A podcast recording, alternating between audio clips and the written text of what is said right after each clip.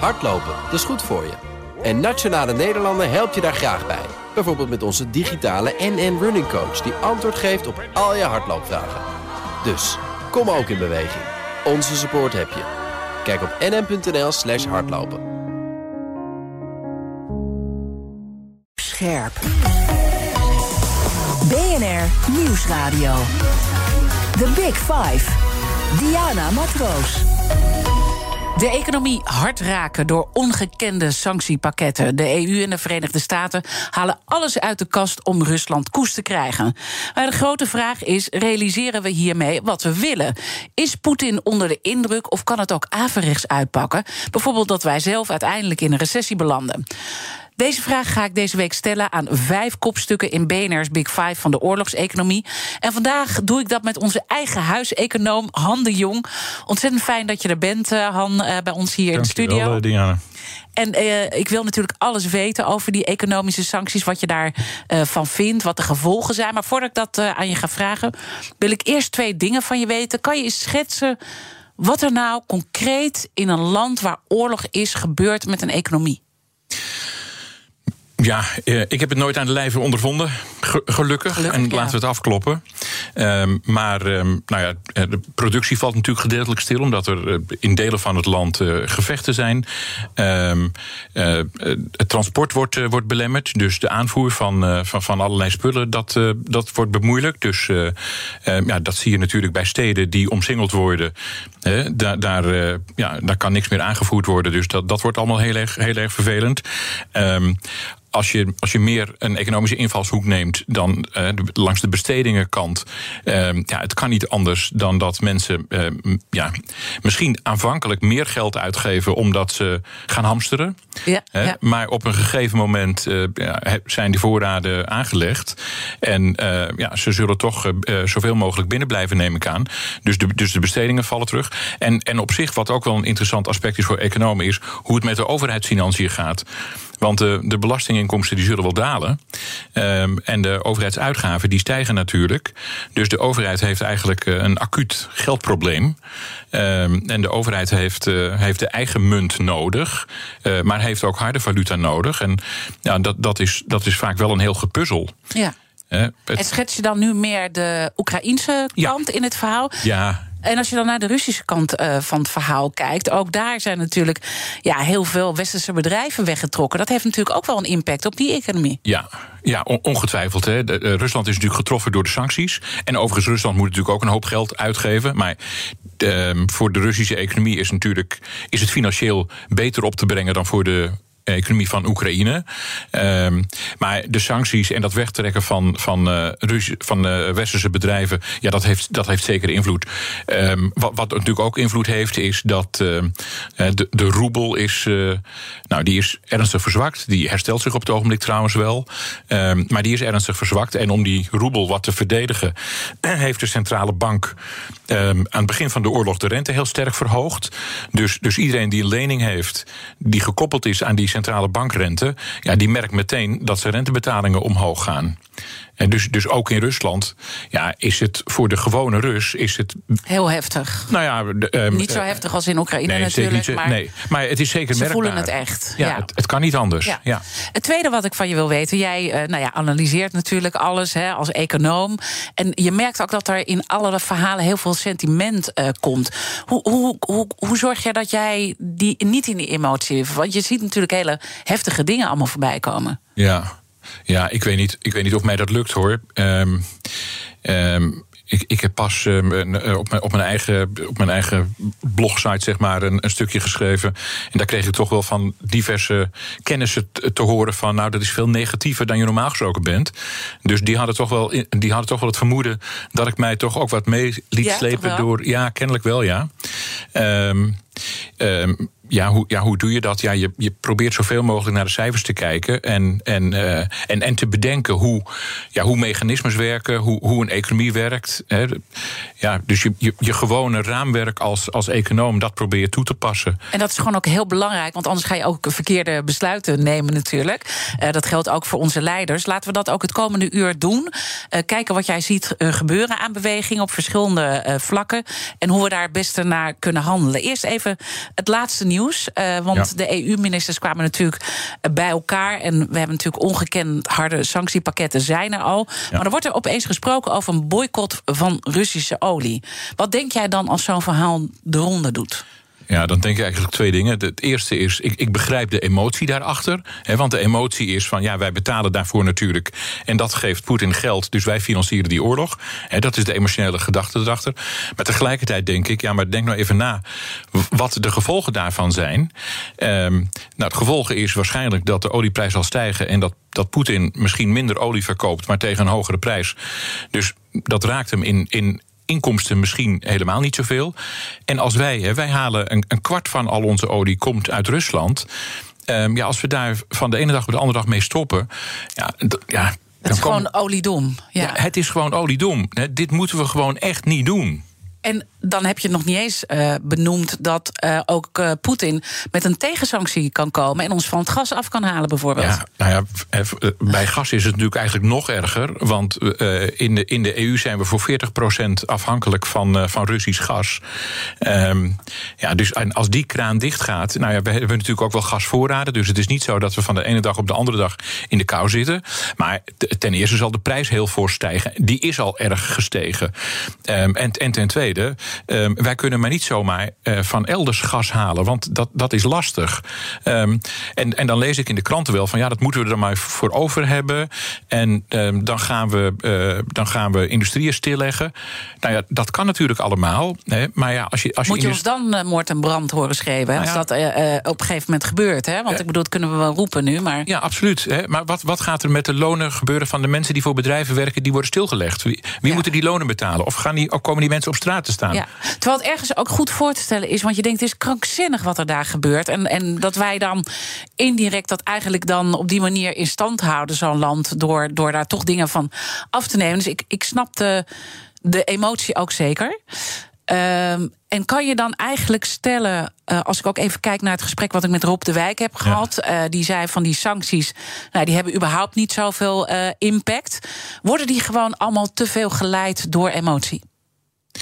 Nou ja, ik, ik heb dat gesprek eh, met Rob wat je had gisteren, had, heb ik natuurlijk ook geluisterd. Ja. En um, uh, hij zei ook van ja, ik ben wel voor die sancties. Maar we moeten niet de illusie hebben dat dat, veel, dat, dat ons dichter bij ons uiteindelijke doel brengt.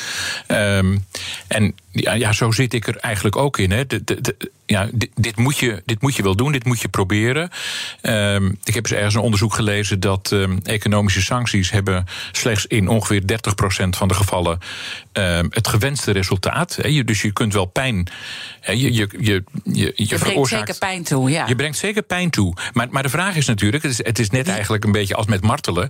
De vraag is of de pijngrens van degene die je martelt, of die niet hoger is dan de pijn die je toebrengt. En dan zegt hij niks. En, nou ja, de grote vraag is: is Poetin hiervan onder de indruk? Want het Russische volk, nou, je benoemde het net, die voelen het op tal van manieren. Maar ja, interesseert het hem? Ik, ik, denk het niet. Ehm, ik denk dat hem persoonlijk weinig pijn wordt uh, toegebracht. En ja, hij is bereid om uh, het volk behoorlijk veel pijn te laten lijden. En, en dat volk draagt dat ook nog eens een keertje veel gemakkelijker dan bijvoorbeeld in, in Nederland het geval zou zijn. Dus die, die sancties, um, ja, je, je, moet, je moet dat zeker proberen. Dat, dat kan niet anders. Maar ik ben het helemaal met Rob de Wijk eens dat ja, de kans dat dat je heel snel bij je doelstelling brengt, namelijk het beëindigen van die oorlog, uh, ja, die kans is niet zo groot. Ja, die, die sanctiepakketten zijn in ieder geval ongekend, hè, ja, uh, die, we, die we hebben afgekondigd. Uh, toch gaat Poetin door. Hè, dus dat, dat geeft ook wel wat aan. Hoeveel impact kan dit hebben op Rusland zelf? Kunnen ze uiteindelijk failliet gaan? Want dat hangt elke keer een beetje boven de markt. Ja, weet je, kijk, dat is ook weer zo'n term die gedreven wordt door emotie. Ja. iedereen begrijpt, hè, als een bedrijf failliet gaat, hè, dan, nou ja, dan is het bedrijf ten einde. En dan komt er een curator en, en de, alle mensen worden ontslagen. Er komt een curator die verkoopt alle, alle bezittingen. En dan worden de schuldeisers, de, voor zover dat kan, uh, daaruit voldaan. Dat, dat gaat bij een land natuurlijk nooit gebeuren. Dus wat we bedoelen eigenlijk, als, als mensen zeggen Rusland gaat failliet, dan bedoelen ze eigenlijk Rusland raakt in, in wanbetaling. Rusland kan niet meer voldoen voldoen aan zijn buitenlandse betalingsverplichtingen.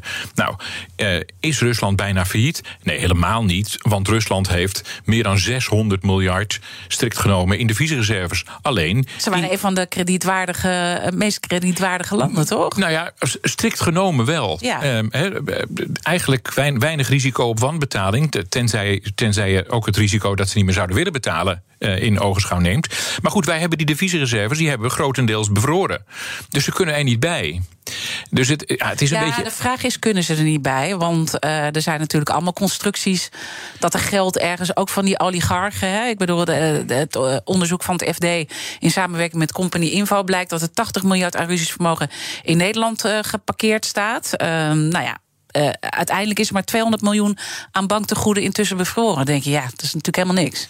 Nee, maar goed, dat, dat, uh, het is de vraag natuurlijk of, de Russische, of dat geld is van de Russische overheid en of dat geld is uit de deviezenreserve. Want die betalingen uh, op de obligaties van de Russische overheid, die moet natuurlijk de Russische overheid doen. En, en dat doen ze eigenlijk vanuit de deviezenreserve bij de centrale bank.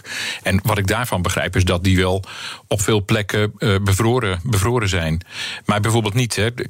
Ik denk dat, dat Poetin hier ook toch ook wel een misrekening heeft gemaakt. Want ik denk dat hij heeft gedacht, nou, we hebben, we hebben een enorme oorlogskas.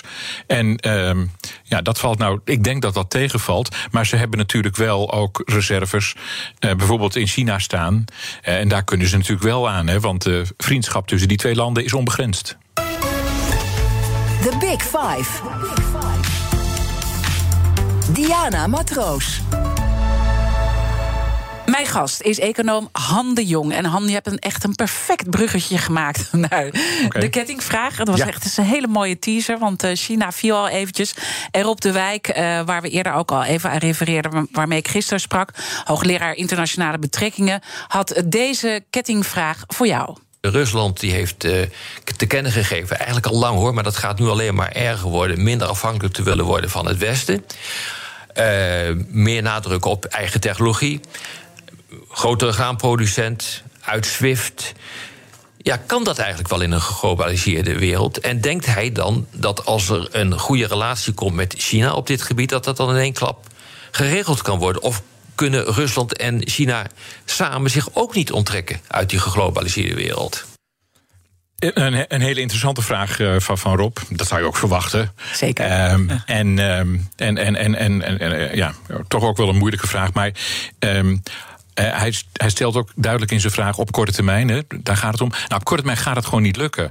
Want de hele internationale financiële infrastructuur ja, is eigenlijk westers. Um, uh, de dollar is, is de reservevaluta. Dus als je met, als je met internationaal geld wilt schuiven, mm -hmm. ja, dan is de dollar eigenlijk niet te vermijden. Um, daar zal zeker een verschuiving in komen. He, de, de Chinezen die hebben natuurlijk de ambitie dat, dat hun munt op een gegeven moment de reservevaluta in de wereld uh, wordt. En, en, en dat gaat denk ik ook gebeuren. Ja, dat zeggen uh, eigenlijk alle experts hè, voor deze oorlog ook al. Ja, het gaat gewoon die kant op. Het gaat die kant op. Ik denk wel, Diana, dat ik dat niet meer mee ga maken. Um, uh, dus dus volgens mij gaat dat echt nog wel een aantal decennia duren. Uh, waarom? Nou, omdat uh, ten eerste de. Uh, nou, de, de yuan is nog niet eens convertibel. Het, kan nog, het is niet onbeperkt inwisselbaar. Uh, het is voor Chinezen heel moeilijk om geld het land uit te krijgen, bijvoorbeeld. En het heeft voor China ook toch wel een nadeel. Want als jouw munt de reservemunt van de wereld is, dan kun je eigenlijk die, de waarde van die munt niet meer beïnvloeden. En die wordt dan op de markt bepaald. Ja. En, en, en, en, en ja, daar moet je dan mee leven. Dat doen de Amerikanen. Wij eigenlijk ook met onze munt. Maar de Chinezen die gebruiken hun wisselkoers, de wisselkoers van hun munt, vaak als een economisch instrument. En, en dat kan dan niet meer. Um, je moet je daarbij realiseren dat China een, uh, dat is een economie die veel meer open is dan de Amerikaanse economie. Dus die wisselkoers is voor de Chinese economie eigenlijk veel belangrijker dan voor de Amerikanen. En daarom gaat het dus niet zo vaart uh, lopen, zeg je. Ja. Als je dan iets meer op de korte termijn uh, kijkt, kan ik me ook voorstellen dat China ook best wel in een moeilijk pakket terechtgekomen is. Hè? Want ik bedoel, we weten allemaal nog dat moment bij de Spelen, hè, dat die twee, Poetin en, en Xi Jinping, nou ja, echt heel duidelijk de vriendschap aan elkaar hebben toevertrouwd. Um, toch uh, kampt China al met een aantal problemen. Corona heeft natuurlijk een enorme impact. Dat heeft voor, ons allemaal impact. Maar China heeft dat natuurlijk hard, uh, harde klappen toegebracht. Maar die handelsoorlog is ook al een tijdje aan de gang. Hè. De maatregelen van Trump, je zou, zou ze bijna uh, vergeten. En nu dreigen er ook sancties misschien voor China. Als ze hier geen kleur gaan bekennen. Ja, um, ik vind dat het Westen hier wel een beetje een, uh, nou, een beetje halfslachtige uh, positie inneemt. Oké. Okay. Um, er, er, valt nog, er, valt, er valt best wel veel aan te merken op China. is natuurlijk eh, met, wat we dan horen. En mm -hmm. ja, ik praat ook maar naar, naar wat ik hoor en lees. Maar, maar China is een land waar ze 1 miljoen Oeigoeren in heropvoedingskampen hebben zitten. Um, nou, wij hebben mensenrechten hoog in het vaandel staan. Um, daar zeggen we dan af en toe wel iets van. Maar aan de andere kant doen wij wel gewoon vrolijk allerlei zaken met, uh, met China. Dus en, en, en waarom doen we dat? En waarom treden we niet harder op tegen China? Nou ja, omdat dat zo'n grote economie is, omdat ze zo machtig zijn. Ja. Dus, dus het is eigenlijk hetzelfde als met zo'n boycott uh, van de Russische olie. Ik bedoel, we zitten eigenlijk in een soort pakket dat we het ons niet kunnen permitteren om onze handen ervan ja. af te trekken. Ja, nee, dat, dat, dat klopt. Ik denk overigens wel dat de Chinezen, um, ik denk dat die zich rot zijn geschrokken van die sancties. Um, en, en vooral eigenlijk die sancties met betrekking tot die deviezenreserves. Want, want Rusland heeft een reserve van 600 zoveel miljard, maar China van meer dan 3000 miljard. En uh, dat is veel te veel eigenlijk voor China, maar, maar, maar toe maar. Mm -hmm. um, uh, en, en, dat is natuurlijk grotendeels in, in, in dollars. En um, ja, als dus. En nu, nu blijkt dat, er, uh, ja, dat die deviezenreserves wel risico's betekenen. En de, de Russen kunnen wel uitwijken naar yuans, maar de Chinezen kunnen niet uitwijken naar roebels.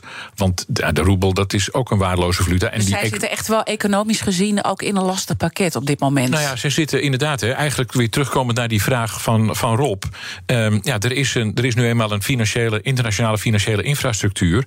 En ja, die is toch in de kern uh, op, de, op de Amerikaanse economie, de Amerikaanse dollar uh, uh, gebaseerd. En alle systemen, betaalsystemen, et cetera. Dat zijn allemaal westerse systemen. En daar kun je niet zomaar uh, je los van maken. Nee, de vraag is: kunnen wij ons losmaken van de rest? Hè? Het werkt twee kanten op.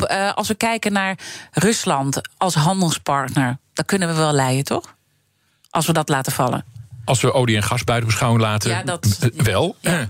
Dat, dat is natuurlijk ook niet helemaal gratis. Hè, want uh, het CBS heeft geloof ik gisteren, of eergisteren, nou, gisteren zal het zijn geweest, want eergisteren was het zondag. Maar eh, gisteren uh, uh, wat cijfers gepubliceerd. export van Nederland naar Rusland vorig jaar ter waarde van 5 miljard euro, neem ik aan. En um, nou ja, dat is niet niks. Hè. Ons BBP is 800 zoveel miljard. Dus het is, uh, het meer dan half procent van ons BBP. Dus als dat allemaal wegvalt, ja, dan uh, we zullen er niet een, een boterham minder om eten.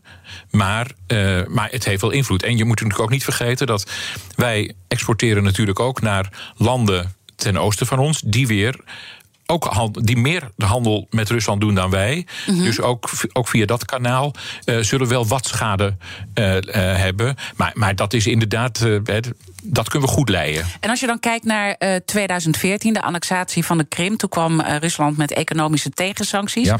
Kunnen we daar iets uh, van leren als het gaat over impact, wat het, dit uiteindelijk ook op ons kan hebben? Ja, die vraag heb ik natuurlijk ook bedacht. Dus ik ben al, ik ben al eens in de, in de statistieken gedoken. En tot mijn, tot mijn, tot mijn ver, verrassing ehm, vond ik dat als je naar die CBS-statistieken kijkt, die, die splitsen die export helemaal uit naar productgroepen. Nou, dan is er een productgroep dat heet voeding en levende dieren. Um, wij, wij exporteerden voor die Krim-problemen exporteerden wij bijna een miljard euro naar Rusland in, in die categorie. Dat is vervolgens teruggevallen naar 300 miljoen. En dat is nu nog maar tussen de 300 en 400 miljoen. Um, dus die sancties, die, ja, die hebben... Die Echt hebben wel lang, lange termijn effecten. Ja, maar nou zei ik dat pas een keer tegen een ondernemer. En die zei tegen mij, ja, maar wat die, onder, wat, wat die boeren doen ehm, of die ondernemers die dan naar Rusland exporteren, die exporteren in plaats van naar Rusland, exporteren ze naar Kazachstan. Ja, ja, ja, En dan- ja. Dus via een omweg komt het er toch. Nou, Uiteindelijk weten we altijd omwegen te vinden. Maar laten we zo meteen eh, met elkaar eh, verder praten. Eh, dan praat ik verder met econoom Han de Jong over de vraag of Nederland door de oorlog in een recessie terechtkomt. En je spreekt ook met heel veel ondernemers, ook in de maakindustrie. Welke klappen kunnen we verwachten? Dat zometeen. Blijf luisteren. Hardlopen, dat is goed voor je. En Nationale Nederlanden helpt je daar graag bij. Bijvoorbeeld met onze digitale NN Running Coach... die antwoord geeft op al je hardloopvragen. Dus, kom ook in beweging. Onze support heb je. Kijk op nn.nl slash hardlopen. Blijf scherp. BNR Nieuwsradio. The Big Five. Diana Matroos. Welkom bij tweede halfuur. Deze week praat ik met vijf kopstukken over de oorlogseconomie. Eerder deze week sprak ik met Rob de Wijk. Hij benoemde dat economische sancties vaak een averechts effect hebben. En houdt overigens nog steeds eh, serieus rekening met een derde wereldoorlog. Het is moeilijk om het te benoemen. Het lijkt, eh, ja, blijft toch heel heftig, maar het speelt nog steeds als een bepaalde kans. Het gesprek is terug te luisteren via de BNR-app. Mijn gast vandaag is onze eigen huiseconoom Han de Jong. Komend half uur wil ik in ieder geval nog twee onderwerpen met je bespreken. Namelijk of de overheid de economie weer te hulp gaat schieten, moet schieten... als eh, we door de oorlog financieel grote klappen gaan krijgen... en wat de gevolgen van een oorlog zijn op de economie, eh, ook hier eh, in Nederland. En laten we met het laatste beginnen. En we waren Ja. eigenlijk een beetje op het punt eh, hoe die handel eigenlijk nou ja, ons kan treffen op een bepaalde manier. De Franse landbouwminister waarschuwde gisteren nog dat de oorlog tot een mondiale voedselcrisis kan leiden. Rusland en Oekraïne zijn namelijk twee van de grootste producenten van landbouwproducten. Er zijn nu al graantekorten, maar ook tekorten aan bijvoorbeeld zonnebloemolie. Verwacht je dat we daar hele grote schokken gaan krijgen? En of kunnen we de keten snel aanpassen? Nou, ik denk bij die landbouwproducten kun je best wel tijdelijk wat schokken krijgen. Ik neem aan dat producenten in andere landen dan hun kans schoon zien om, om, ja, om wat meer te verbouwen en meer te produceren. Ehm, dus ik denk dat dat uiteindelijk zal het, zal het vast wel op zijn, eh, op zijn pootjes terechtkomen. Maar wat natuurlijk wel gaat gebeuren, het, eh, voedselprijzen zijn al aan het stijgen. En dat is natuurlijk voor in, in landen met, eh, met veel mensen met lage inkomens, is dat natuurlijk een probleem. Hè? En laten we niet vergeten dat bijvoorbeeld de Arabische lente van een aantal jaar geleden, ja, die is natuurlijk die is eigenlijk getriggerd door hoge Ja. voedselprijzen. Ja. Ehm, dus het is helemaal niet ondenkbaar dat dat in sommige landen tot, eh, tot, tot sociale en eh, eh, grote economische eh, politieke problemen gaat leiden. dat is heel goed denkbaar. Dus dat kan nog op heel veel plekken kan dat uiteindelijk nog heel veel schokken teweeg gaan brengen. Absoluut, ja. En ook ja. andere gevolgen die daar dan Ja, op zeker, komen. zeker. Er zijn toch ook economen die zeggen... we moeten wat meer de, de keten dichter bij huis brengen. Om toch ook bepaalde schokken, zo'n schok als dit, Ja. te kunnen opvangen. Wat denk jij? Ja, ik, daar ben ik niet zo van gecharmeerd van die verhalen. Omdat ik omdat ik denk dat dat een beetje voorbij gaat aan de vraag: waarom zijn die ketens zoals ze zijn? Waarom zijn ze zo uitgebreid? Nou, het antwoord daarop is omdat dat het, omdat dat het meest efficiënt en het meest voordelig is. Als er dan schokken komen, zoals door die pandemie, maar, en nu ook weer door die oorlog, ja, dan heb je een probleem. Ehm, eh, dus ik denk dat het uiteindelijk zal het, ehm, ja, zal het aan, aan bedrijven zijn om voor zichzelf te beoordelen of ze eh, met het risico van dat soort, dit soort schokken wi- willen leven of niet. En als ze dat niet willen, dan zullen ze alles dichter bij huis gaan halen. Maar je moet, je, je moet veronderstellen dat dat dus alles duurder gaat maken. Dus, dus ja, dat gaat. Hè, dat, dat klinkt allemaal mooi en aardig. Maar ik denk Dat, dat. heeft dat ook zijn effect Nou ja, op ons heeft als consument. ja, dat, heeft, dat, het, dat werkt gewoon welvaartsverlagend. Ehm, Nou ja, als je dat ervoor over hebt, is prima. Kijk, uiteindelijk zu- zullen het bedrijven zijn die beslissen waar ze produceren, waar ze, van, waar ze hun inputs eh, vandaan halen. Ehm, en, en uiteindelijk gaat natuurlijk ook de concurrentie, die gaat natuurlijk ook bepalen wat er dan gebeurt. Want stel je voor, er zijn twee bedrijven. Eentje haalt al, die, al zijn input van heel dicht bij huis en een ander van veel verder af. Ja, ik, ik vermoed dat die dat bedrijf dat het van Ja. veel verder afhaalt, dat dat goedkoper produceert. Ja, gaat de consument, die nu misschien roept: laten we die aanvoerketens dichter bij huis brengen, gaat die consument dan voor dat duurdere product kiezen? Dat, dat, dat, dat is zo inderdaad. Uiteindelijk uh, zijn mensen allemaal met korte termijn uiteindelijk bezig en met de eigen uh, portemonnee. En toch kan je je afvragen, als je het gewoon ook relateert aan het hele gasverhaal, waar we toch te afhankelijk zijn geworden, of we niet gewoon te afhankelijk zijn geworden van het buitenland. Ja, nou ja, nou, wij zijn een, klein, wij zijn een, relatief kleine, kleine economie. Um, de, en, en we hebben beperkte hoeveelheid grond- en hulpstoffen. Dus, dus we zijn altijd, per definitie zijn wij afhankelijk van het buitenland. We zijn ook een handelsnatie. Dus daar verdienen we ook gedeeltelijk ons geld mee. Maar als je bijvoorbeeld over gas hebt, dan hebben we dat in Europa ook wel laten gebeuren. Um, de, de gasproductie in Europa is vanaf 2020, ik zeg Europa, ik, ik bedoel eigenlijk de Europese Unie, uh, is met 70% gedaald. Um, wij hebben, terwijl in Amerika over dezelfde periode de, de productie van, van, uh, van gas, hè, van aardgas, is met 85% gestegen. Ja. Uh, wij hebben gewoon veel te weinig exploratie gedaan. Um, nou, misschien allemaal om goede redenen. Hè, maar nu janken dat we uh, zo kwetsbaar zijn voor um, uh, en afhankelijk zijn van Rusland. Ja, dat zijn, dat zijn toch echt krokodillentranen. Het ligt dus eigenlijk ook wel weer een kans. Hè? We zouden daar wel iets mee kunnen doen. Maar dat heb je niet vandaag opgelost. Natuurlijk. Nee, nou ja, ik, ik heb vandaag in het nieuws dat er nog kleine velden zijn in Nederland. Waar, waar we kennelijk op korte termijn toch wel een hoop gas uit zouden kunnen halen. nou, daar kunnen we, dan hoor ik ook weer ja, dan, dat, dat drukt aan de prijs. Nou, dat moet ik nog zien, want uiteindelijk is het toch gewoon een Europese prijs voor gas. Mm -hmm. Dus als wij dat zelf oppompen, waarom zouden we dat aan Nederlandse consumenten veel goedkoper leveren dan, dan dat we dat op de markt zouden kunnen verkopen? Maar goed, dat, dat, dat zullen we zien. Um, maar ja, wij, uh, ja wij, wij, zouden in Europa veel meer gas kunnen produceren als we dat, als we dat hadden gewild. Maar, maar dat hebben we niet gewild. Ja. En, en de consequentie en daar, daarvan. Daar moeten we nu, en, en, en even los daarvan hebben we natuurlijk Groningen. Waar we alles uh, heel snel uh, nou ja, wilde terugbrengen. Ja. Moeten we daar niet gewoon op terugkomen? Ja, dat, dat is een politieke beslissing. Uh, ik, ik, ik zou daar niet voor pleiten, want ik, ja, het nou ja, leed maar jij bent iemand die natuurlijk gewoon uh, heel erg onafhankelijk naar die cijfers.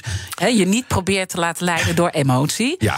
En als je dan de zaken tegen elkaar afweegt. Er zijn nu al mensen die uh, gewoon de energierekening uh, niet meer kunnen betalen. Laat staan wat er nog allemaal op ons afkomt. dan heb je Groningen, die wordt geraakt, ja. Maar weegt het nog tegen elkaar op? Ja, dat is een afweging die ik gelukkig niet hoef te maken. Maar als we meer gas uit Groningen gaan halen, leidt dat dan tot nog meer leed voor die mensen daar? Ik moet eerlijk zeggen, ik, ik, dan laat ik mij toch leiden door emotie. Ja, want dat vind ik dus zo fascinerend. Nou ja, goed, ja, maar ik heb zo met die Groningers te doen. Uh, wij hebben daar tientallen jaren dat gas weggehaald. Uh, ja, als, ik, als ik Groningen was geweest, dan had ik een hek om Groningen gezet. En dan had ik de onafhankelijke republiek. Ja. klein, klein ja, maar je zou ook kunnen zeggen, we gaan daar gewoon heel veel geld in pompen. In de zin dat we daar die huizen gaan uh, stutten, nou, dat ze veilig zijn. Waardoor we die gaskraan. Maar het lijkt of we zo in die emotie blijven als, hangen. Als dat mogelijk is, dan zou dat natuurlijk fantastisch zijn. Als je dus zou zeggen van we gaan extra gas pompen. En het geld dat we daar uithalen, dat pompen we dan gelijk ook weer terug in. Mm -hmm in, in de huizen, et cetera. Ja, dat, dat, dat zou natuurlijk een geweldige oplossing zijn. Ja. Uh, we moeten nog uh, een aantal belangrijke punten uh, afwerken. Natuurlijk het inflatieverhaal, maar ook de, nou, toch even nog de ondernemers. Ook die jij spreekt. Hè. Je spreekt ondernemers in de maakindustrie. Ja. Wat, wat, wat zie je nu al aan klappen die nu terechtkomen daar? Ja, nou ja, oké, de eerste klap is natuurlijk de energieprijzen. Mm -hmm. die natuurlijk ook uh, voor ondernemers. Uh, en, en dan zie je natuurlijk sommige sectoren, zoals bijvoorbeeld de glastuinbouw. Ja, dat is natuurlijk, dit is natuurlijk een, een ramp voor de glastuinbouw. Gelukkig is het zo. Ik volg die gasprijs natuurlijk uh, op de voet. Gelukkig is het zo dat die gasprijs, die lijkt nou weer wat aan, aan dalen. Die is nou, ik zag hem vanochtend toch weer onder de 100 euro per megawattuur. Nou, dat is nog veel te hoog, maar, maar dat een paar weken geleden was het opeens 300. Dus dit, dit gaat de goede kant op. Dus je hebt die, je hebt die energieprijzen. Um, maar wat, um, dat, kun je, dat kun je meten en dat kun je eigenlijk wel direct uitrekenen wat het effect daarvan precies is. Wat veel lastiger te taxeren is, dat is in hoeverre die, die supply chains, die aanvoerketens, uh, in hoeverre die weer een nieuwe opdoffer krijgen. Um, die, hebben, die zijn helemaal verstoord geraakt door de, door de coronacrisis. En, en wat, wat ik nu hoor is, en dat geluid komt ook bij VNO-NCW en bij MKB Nederland vandaan, dat is die, dat die aanvoerketens dus opnieuw een klap krijgen. Ehm, nou, je zei al, ik, ik, ik praat wel eens met ondernemers. Nou, wat ik daar hoor is dat, uh, dat, dat hun leveranciers soms niet meer offertes willen doen. Ik, uh, uh, ik sprak een andere ondernemer en die meldde mij dat een van zijn leveranciers een soort anonieme brief ehm, naar alle klanten had gestuurd. Waarbij werd gezegd: we gaan vanaf nu de prijzen verhogen. En ja, ja, take it or leave it. Mm Um, dus ja, de, de invloed op die. Uh, als, als die verhalen, als die kloppen, als die representatief zijn voor grote delen van de industrie, ja, dan krijgt de industrie op het ogenblik vrij forse klappen. En dat gaat natuurlijk impact hebben uiteindelijk op ons allemaal. Uh, vrijdag dan spreek ik uh, met de baas van VNO-NCW, met Ingrid Thijssen. Ja. Zou je haar misschien een vraag willen stellen? Want dan ja, mag je gewoon twee keer een vraag stellen. Oké, okay, heel fijn. Nou, er, er, brandt een vraag op mijn, mijn lippen voor, voor Ingrid Thijssen. En dat is, er werd pas geciteerd, of er was er pas een artikel uh, over haar... of een interview met haar in, een van de dagbladen, ik weet niet welke krant het hm. was. Uh, maar daar stond boven dat uh, VNO-NCW die verwachten een langdurige recessie. En vooral dat woord langdurig, dat verbaasde mij nogal. Dus ja, mijn vraag zou zijn: hè, waarom denk je dat het zo langdurig zal zijn? Mooie vraag, die ga ik zeker aan haar stellen. Uh, ik begrijp dus dat jij niet uitgaat van een langdurige recessie. Het CPB voorspelt trouwens ook een kortdurende recessie. En dat is ook jouw inschatting? Ja, nou ja, alles hangt natuurlijk af van hoe lang dat conflict gaat duren. Wat er gebeurt met die. De onzekerheden zijn groot. Wat gebeurt met olieprijzen. Um, maar ja, normaal gesproken zou je toch verwachten dat, uh, dat je een klap krijgt. En dan kom je in een recessie. En, en dan, daarna ga je wel weer herstellen. En hebben we natuurlijk nog uh, inflatie. Daar heeft de DNB ook het een en ander over gezegd. Ja. Maar stagflatie wordt ook de hele tijd uh, genoemd. Ja. En ik zie al een twinkeling in je ogen komen. Ja, ja dat irriteert mij in hoge mate. Ja. Hè? Want dat is natuurlijk een term, of dat is een verschijnsel waarmee we in de jaren zeventig te maken hadden. Hè? Stagnatie, stagnatie van de economie, of zelfs krimp. Gecombineerd met hoge inflatie. Ongebruikelijk, want normaal gesproken als de economie stagneert, dan duwt dat de inflatie juist naar beneden. Ja. Dus het is een ongebruikelijke combinatie. En dat heeft in de jaren zeventig ook heel veel economisch leed veroorzaakt. Um, nou, door die term nu te gebruiken, wordt natuurlijk eigenlijk wordt er gerefereerd aan, aan, aan die zwarte periode van de jaren 70. En ik vind dat die vergelijking totaal mank gaat. Want aan het eind van de jaren 70 en jaren 80 hadden we in Nederland een werkloosheid van 10% Nu hebben we een heel krappe arbeidsmarkt. We hebben een werkloosheid van 3,4% Dus nou ja, dat zal wel wat gaan oplopen als we in een recessie terecht zouden komen. Maar het is totaal niet. Uh, want ook eigenlijk na corona zijn we gewoon hartstikke goed opgekrabbeld, toch? Ja, zeker. Ja, we zijn veel beter hersteld Echt dan. hele andere kaarten dan in de jaren zeventig. Ja, dus omstandigheden zijn totaal anders. Dus ik vind die vergelijking, die, eh, die gaat mank. En dan zou ik zeggen, gebruik die term nou liever niet. Want je ja. jaagt alleen maar iedereen de stuip op het lijf. De lonen, daar kan natuurlijk wel iets gaan gebeuren. Dat die uiteindelijk. Uh nou ja, dat, dat mag ook wel eens misschien. En, maar ja, het is natuurlijk ook logisch. De arbeidsmarkt is heel erg krap. Ja, dan verwacht je, hè, er is meer vraag dan aanbod. Ja, dan verwacht je dat de prijzen gaan stijgen. Is eigenlijk al heel gek dat het nog niet is gebeurd. Eigenlijk ook het, van die oorlog gezien. Eigenlijk is het gek dat het nog niet is gebeurd. En het, het, het, het interessante voor een econoom is dat het in Amerika wel gebeurt. Daar is de arbeidsmarkt ook krap en zie je de lonen wel stijgen. Business Booster. Hey ondernemer, KPN heeft nu Business Boosters. Deals die jouw bedrijf echt vooruit helpen. Zoals nu, zakelijk tv en internet, inclusief narrowcasting... de eerste 9 maanden voor maar 30 euro per maand. Beleef het EK samen met je klanten in de hoogste kwaliteit. Kijk op kpn.com slash businessbooster. Business Booster. BNR Nieuwsradio. The Big Five. Diana Matroos.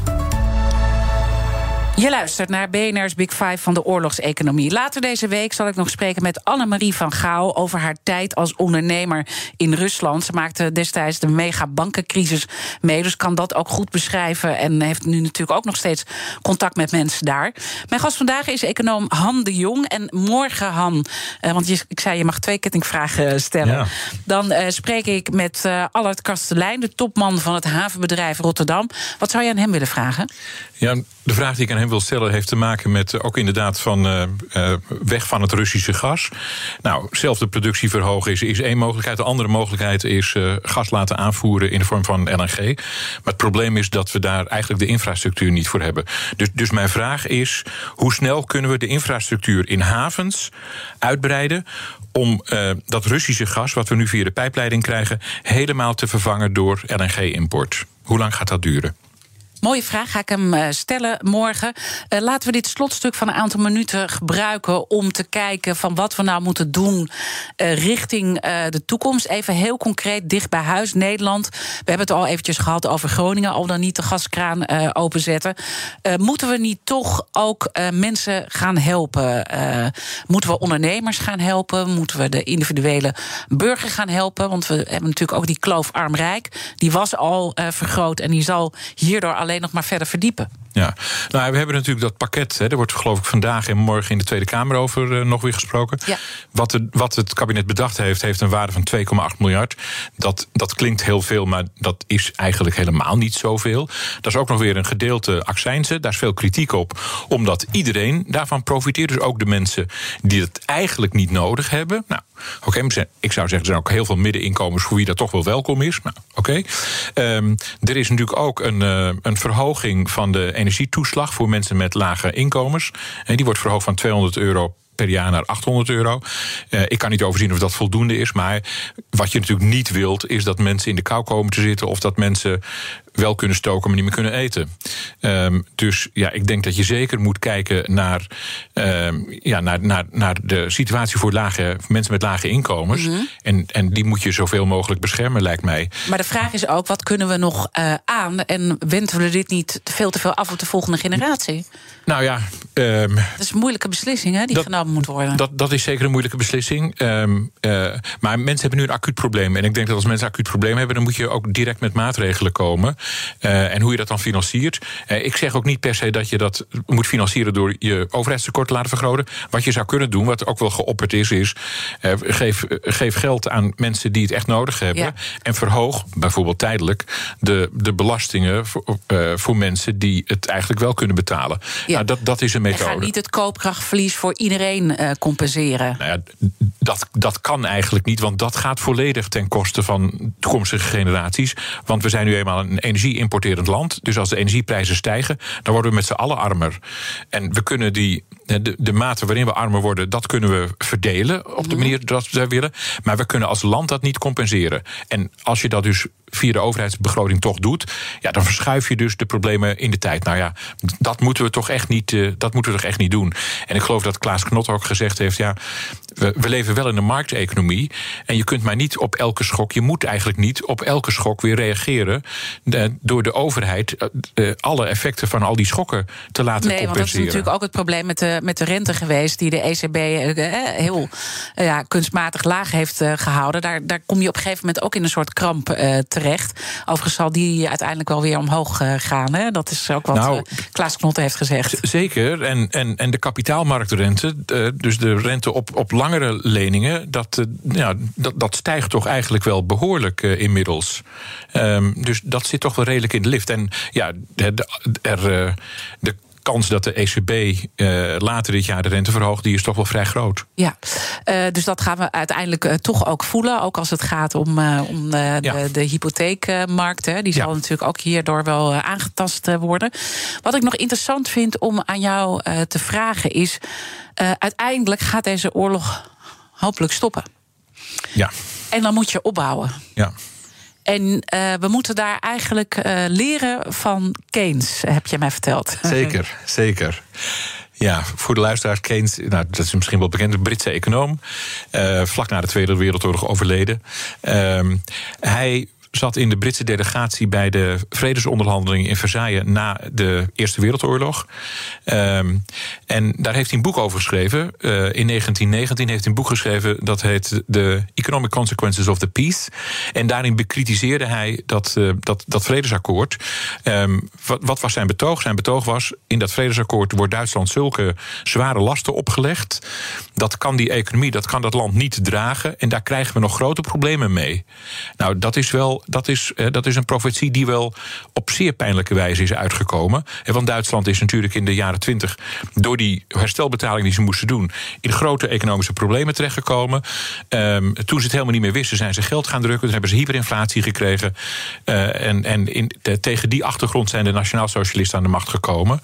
Um, dus, dus wij moeten. Met de Tweede Wereldoorlog tot gevolg. Met de Tweede Wereldoorlog tot gevolg. Um, nou wil ik niet zo dramatisch doen dat we diezelfde kant gaan. Maar, maar de neiging zal natuurlijk heel sterk zijn dat we toch Rusland wel voor een groot deel van de schade willen laten opdraaien. En, en terecht, en dat begrijp ik.